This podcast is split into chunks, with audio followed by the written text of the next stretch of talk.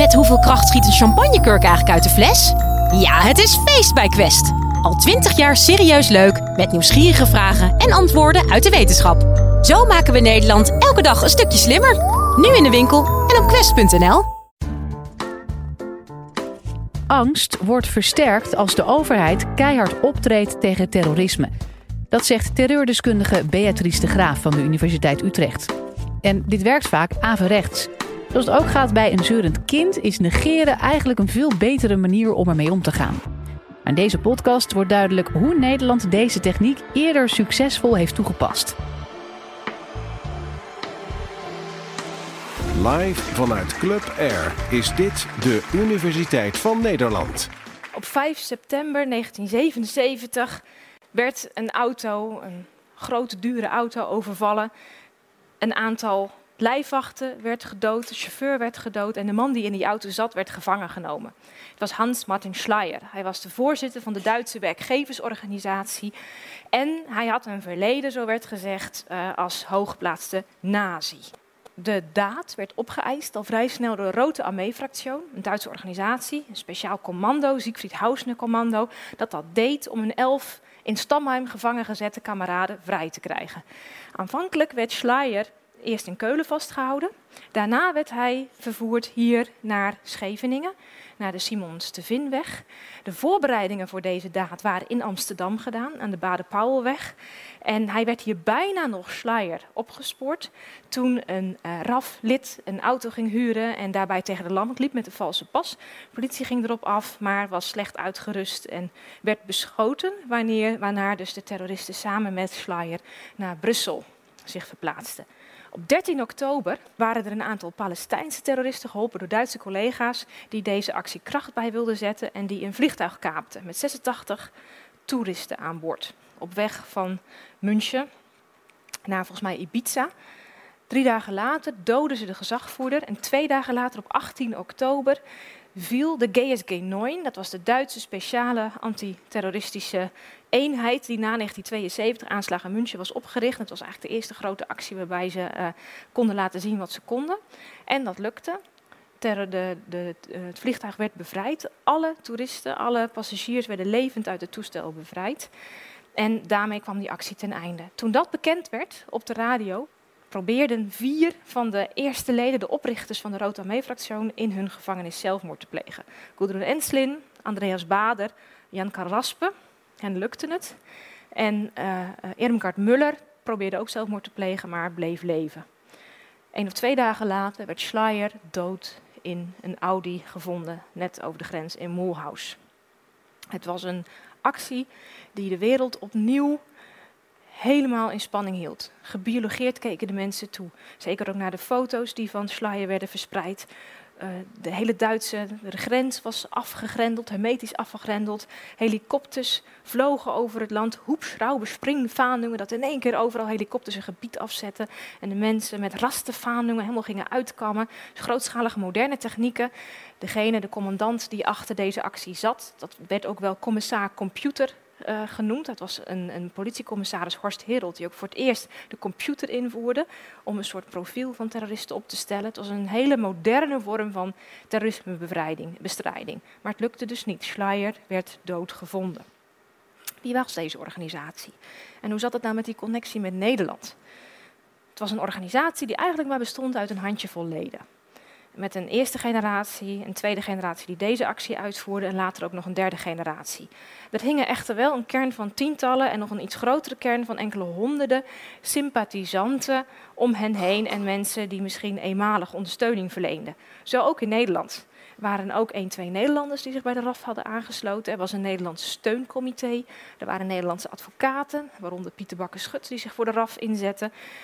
De RAF kwam ook hier voor logistiek, voor safehouses hadden ze in Nederland. Er is in Nederland ook een politieagent, er zijn twee douaniers doodgeschoten en andere zwaar verwond door de RAF, ook in 1977, 78. Peter Jurgen Book was ook een RAF-lid dat veelvuldig in Nederland verbleef, omdat hij ook verslaafd was aan drugs. Dus als hij dan weer dreigde te flippen, moest de RAF weer hals over kop met Peter Jurgen Book naar Amsterdam om eventjes bij te tanken.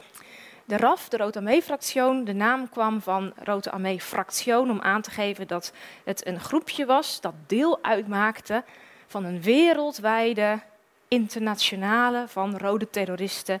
En waar waren die nou eigenlijk mee bezig? Nou, je zou kunnen zeggen dat ze vier motieven hadden uit vier bronnen putten.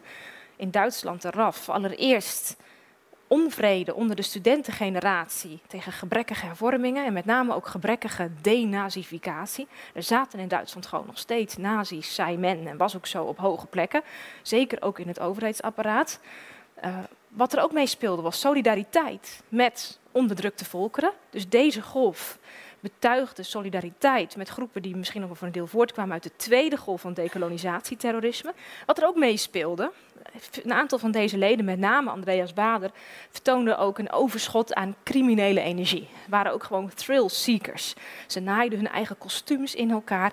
Bader was ook een groot bewonderaar van de film The Battle of Algiers. En hij probeerde zich ook zo net zo te gedragen als de hoofdpersoon die in die film de strijd van de FLN aanvoert. Dus daar identificeerde zich ook mee. Hetzelfde wat je ziet dat gangsters El Capone uit de film gaan imiteren. Dat zag je ook eigenlijk al bij Andreas Bader, die eerdere terroristen, verfilmde terroristen, ging imiteren. En ook anderen uh, deden dat met hem. Wat ook nog wel een heel interessant en omstreden punt is, de RAF, maar ook andere groepen uit deze derde golf van rood terrorisme, links terrorisme, legden ook een sterk gevoel en ook uh, uitingen van antisemitisme of antizionisme aan de dag. Een van de eerste aanslagen die groepen rondom de RAF, zelfde soort groepen, revolutionaire cellen, beweging 2 juni, in Duitsland ook uh, uitvoerden, dat was bijvoorbeeld een aanslag op een synagoge. je zou zeggen, hoe kan dat nou, ze zich tegen de nazi's verzetten? Nou, ten eerste had met name de Rote Armee-fractie en ook beweging 2 juni groot zwak en ook een sterke sympathie voor de Palestijnse bevrijdingsbeweging, waarmee zij zich identificeerden. En wat er ook meespeelde, is dat veel van deze leden van de Rote Armee-fractie zagen de staat Israël eigenlijk als de nieuwe nazi-bezetters, die daar hetzelfde deden waar zij dan in de concentratiekampen onder hadden geleden, dat deden ze nou de Palestijnen aan. Dus je ziet bij de RAF, maar ook bij de revolutionaire cellen, de PFLP, er waren ook veel links tussen die organisaties. Carlos was ook zo'n terrorist die tussen meerdere organisaties schaakte. Een sterk gevoel van antisemitisme dat hen bond. Wat ook opvalt aan deze groep, als je hem vergelijkt met eerdere golven van terroristisch uh, geweld. Je hebt de theorie van David Rappaport, die zegt dat je vanaf de moderne tijd vier grote golven van terroristisch geweld hebt. Beginnend met de anarchisten eind 19e eeuw, decolonisatie, jaren 20 tot de jaren 60 van de 20e eeuw. En dan nu de derde golf van het revolutionaire terrorisme. Deze golf, vergelijking met de tweede met name, was duidelijk minder gericht op nationaal verzet. Wat je wel heel erg ziet is dat er groepen waren die opkwamen in vrije democratische samenlevingen. Uh, veel jongeren, veel studenten wilden afrekenen met het conservatieve establishment. Het waren de babyboomkinderen. Ze richtten zich tegen de goede helden van de Tweede Wereldoorlog, tegen Amerika, die de Vietnamoorlog ontketende, uh, tegen Frankrijk, dat bezig was met die strijd tegen de FLN, uh, of dat had gedaan. Veel solidariteit met de Palestijnse bevrijdingsbeweging en in ieder geval allemaal uit op revolutie. Het was ook de tijd van de grote revolutionaire ideologen. Het was gewoon hip en cool om bij zo'n club te horen. En ook al was je dan niet echt terrorist, je gedroeg je wel en je nam ook de stijl van Gudrun Enslin en Andreas Bader als een soort Bonnie en Clyde van het terrorisme over. Het was ook internationaal van aard in de manier waarop die beweging elkaar steunde. Ze wisselden de ideologisch pamfletten uit, logistiek. Er waren ook veel gemengde teams van terroristen, waarbij gemengd eigenlijk in die tijd vooral betekende Duitsers plus. Dus de Duitsers en de Italianen, de Duitsers en de Fransen, de Duitsers en de Palestijnen, de Duitsers en de Arabieren. Japanse Rode Leger hoort hier ook bij. Nou ja, je kunt er natuurlijk ook eh, op wachten, vergif op innemen, dat hier tegen ook een grote tegenreactie ontstond van de autoriteiten.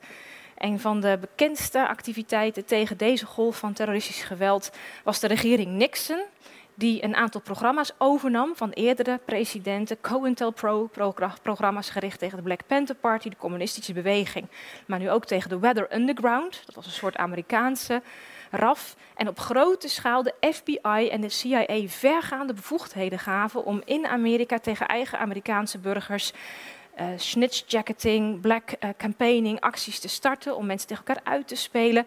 En Martin Luther King werd ook maar eventjes in het kielzog van zo'n zo'n bestrijdingsactie meegenomen. Er werd valse informatie naar elkaar toegespeeld, mensen werden verhalen, verraden. Liep zelfs zo de spuigaten uit dat in 1974, 75 het congres zei, en nou moet het afgelopen zijn. In de 74, 75 heeft het congres dus zodanig de bevoegdheden van de CIA en de FBI ingeperkt dat het tot 2002 met de Patriot Act duurde tot die diensten hun bevoegdheden weer terugkregen. Dus je ziet, golf terroristisch geweld gaat ook vaak gepaard met een golf van tegengeweld. En met een beetje geluk draaien democratische samenlevingen, zowel dat geweld als dit tegengeweld, ook weer een nek om. Je zou kunnen zeggen, we zitten vandaag ook weer midden in zo'n periode van golfgeweld, golf tegengeweld. En nou maar afwachten hoe het verder gaat. Interessant is ook dus dat in deze periode grote inlichtinghervormingen op touw werden gezet. Interpol, Europol, Trevi. Dit was de tijd, ik zei het al, van de computers, van de grenscontroles. Die werden ook gestandaardiseerd. Uh, landen gingen ook samenwerken, de Italianen en de Duitsers, bij de kidnapping van Schleier en daarna van Moro. Ze gingen elkaar ook trainen. Duitsers gingen Nederland leren hoe je het inlichtingwerk beter kon doen. Uh, Duitsers leerden de Italianen van alles, de Amerikanen gaven trainingen. En het Oostblok, ja, dat is ook nog de tijd van de Koude Oorlog. Moskou en Havana, je zou zeggen, wat deden die? Er werd wel gezegd door de CIA, of door Nixon met name, dat dit een rood complot was. Een samenzwering is altijd een heel geliefd idee. Terroristen gebruiken dat om hun theater op te blazen, maar ook de bestrijders gebruiken het om die terroristen beter te kunnen bestrijden.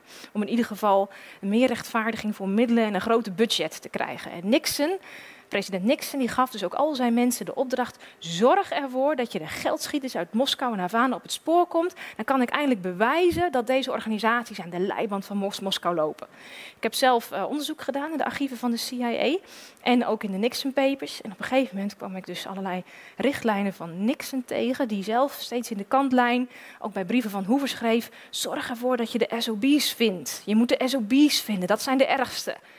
Dus ik vroeg aan een collega, wat zijn nou SOB's? Ik ken de BBP's, de Black Panther Party, de WUO, de Wedder Underground. SOB's, Socialist, Operatives, Brotherhood, wat is dat? Toen heeft een collega mij uitgelegd dat dat de Sons of Bitches waren. Dus dat was het jargon van Nixon. Zo nihilistisch dacht hij gewoon over iedereen die iets tegen zijn beleid zei. Nou, na Nixons uh, bijna impeachment was er ook snel een einde gekomen aan die tegenacties. Interessant is nog te vermelden of Nixon misschien gelijk had. je kunt zeggen Nixon was paranoïde, maar uh, zoals Kissinger al zei, because I'm paranoid, it doesn't mean that I'm wrong. Dus misschien was er wel iets uh, met het verwijt aan de hand, dat hij ook echt gelijk had. Nou, hoe zat het in Nederland nou? In Nederland werd er ook wel op een interessante manier omgegaan met het terrorisme. In Nederland heb je in de jaren 70 heel veel acties gehad. Tussen 70 en 79 zijn er ongeveer 20 doden gevallen en werden er honderden bomaanslagen gepleegd. Rode Hulp, Rode Jeugd, de IRA was in Nederland actief, Turkse organisaties, Palestijnse organisaties, Leidse studenten sloten zich aan bij de PVP. Franse studenten waren met Algerijnen in Nederland bezig bomaanslagen te leggen. Er waren uh, Palestijnse bevrijdingsorganisaties die hier een treincoupé wilden kapen. U weet allemaal uh, dat de Molukkers hier een lagere school bezet hebben. Uh, een kerkkoor werd in gijzeling genomen. Dus er was ontzettend veel aan de hand en er vielen ook echt doden.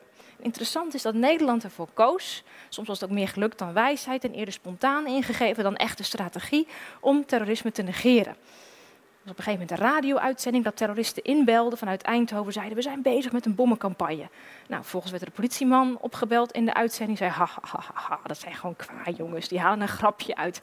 Nee, zeiden de jongens van de Rode. Wij zijn echte terroristen. We gaan iedereen omleggen. Wel, nee, zei die politieman. Ze maken een geintje. Dat valt allemaal wel mee. We hebben al een bom gelegd, zei die terrorist. In jullie politiekantoor. Nee hoor, zei de agent. Dat was gewoon een houtkacheltje dat ontplofte. Dus het was van heel veel, laten we zeggen, regenteske commandanten, ministers, ook echt de bedoeling om de boel rustig te houden. Op een gegeven moment stuurde de Mossad ook boze brieven naar eh, minister Van Acht van Justitie om terreur strafbaar te stellen en Palestijnse organisaties te verbieden. En Van Acht schreef terug, het staat nog maar te bezien alsof of er echt zoiets is als Palestijns terrorisme. Het is een subjectief begrip, zei Van Acht, en ik kan mijn vinger er niet op leggen. Einde verhaal. Dus het was natuurlijk een bepaalde tactiek om jezelf een beetje uit de nesten te houden. En je zou kunnen zeggen, het werkte. Want de Molukkers, de Rode Hulp, de Rode Jeugd, ze gaven uiteindelijk op. De Rode Hulp heeft zelf ook toegegeven dat het mede was door het gebrek aan aandacht. Molukkers is een ander verhaal. Dat was niet het gebrek aan aandacht. Dat was het feit dat achter de schermen de Nederlandse regering helemaal niet soft was. En wel degelijk groot geweld ook inzette. De jets die over de trein heen vlogen, de speciale eenheden die erin kwamen, eh, de zes kapers die werden doodgeschoten. Het was zeker geen soft optreden, maar het was wel heel erg gericht op het buitensluiten van de media, het niet geven van aandacht aan het terrorisme. En in die tijd kon dat ook nog. Van acht kon nog de hoofdredacteuren van de kranten bij zich in zijn kamer vragen en zeggen: Jongens, er is van alles aan de hand. Ik heb een antiterreurofficier, we zijn ermee bezig, maar alsjeblieft, schrijf er niet over. En vervolgens deden die hoofdredacteuren dat ook niet. Nou, dat kun je vandaag de dag natuurlijk niet meer indenken, dat de media zich op die manier nog aan de leiband laten leggen. Nou, deze golf eindigde. Hoe eindigde die? Niet alleen door negeren in Nederland, maar ook door zware repressie. Ook door het feit dat veel van deze terroristische organisaties niet zo'n natuurlijke achterban en toevloed hadden van recruten. Zoals de decolonisatieterroristen dat hadden. De underground gaf het op. Rotamee-fractie is misschien nog wel het langst in leven gebleven. Maar ook die moesten na de val van de muur en ja, je kunt zeggen, de deconfituur, het failliet van het communisme toegeven, dat ze eigenlijk niet echt meer een duidelijke motivatie hadden. Ik vind dat je aan deze golf heel duidelijk kunt zien dat een theater van de angst iets is dat je zelf in de hand hebt. Geen enkele terroristische organisatie in deze periode is erin geslaagd met terroristische middelen en democratie om zeep te brengen. Dat doet pas wanneer een regering zelf kiest zijn eigen democratische waarden overboord te zetten. Er is geen algemene contraterrorisme-wet. Wat je ziet is dat overreactie zeker niet tot beëindiging leidt, maar dat een heel nauw op maat gemaakte aanpak, sancties, preventies, misschien soms waar het kan negeren, dat dat werkte. Nou, door als overheid niet mee te gaan in het theater van de angst, maar wel achter de schermen goed inlichtingen werken, goede informatiepositie op te bouwen, kon het effect in ieder geval van deze golf in Nederland gedempt worden. Wil je nou meer afleveringen van de Universiteit van Nederland horen? Check dan de hele playlist en ontdek het antwoord op vele andere vragen.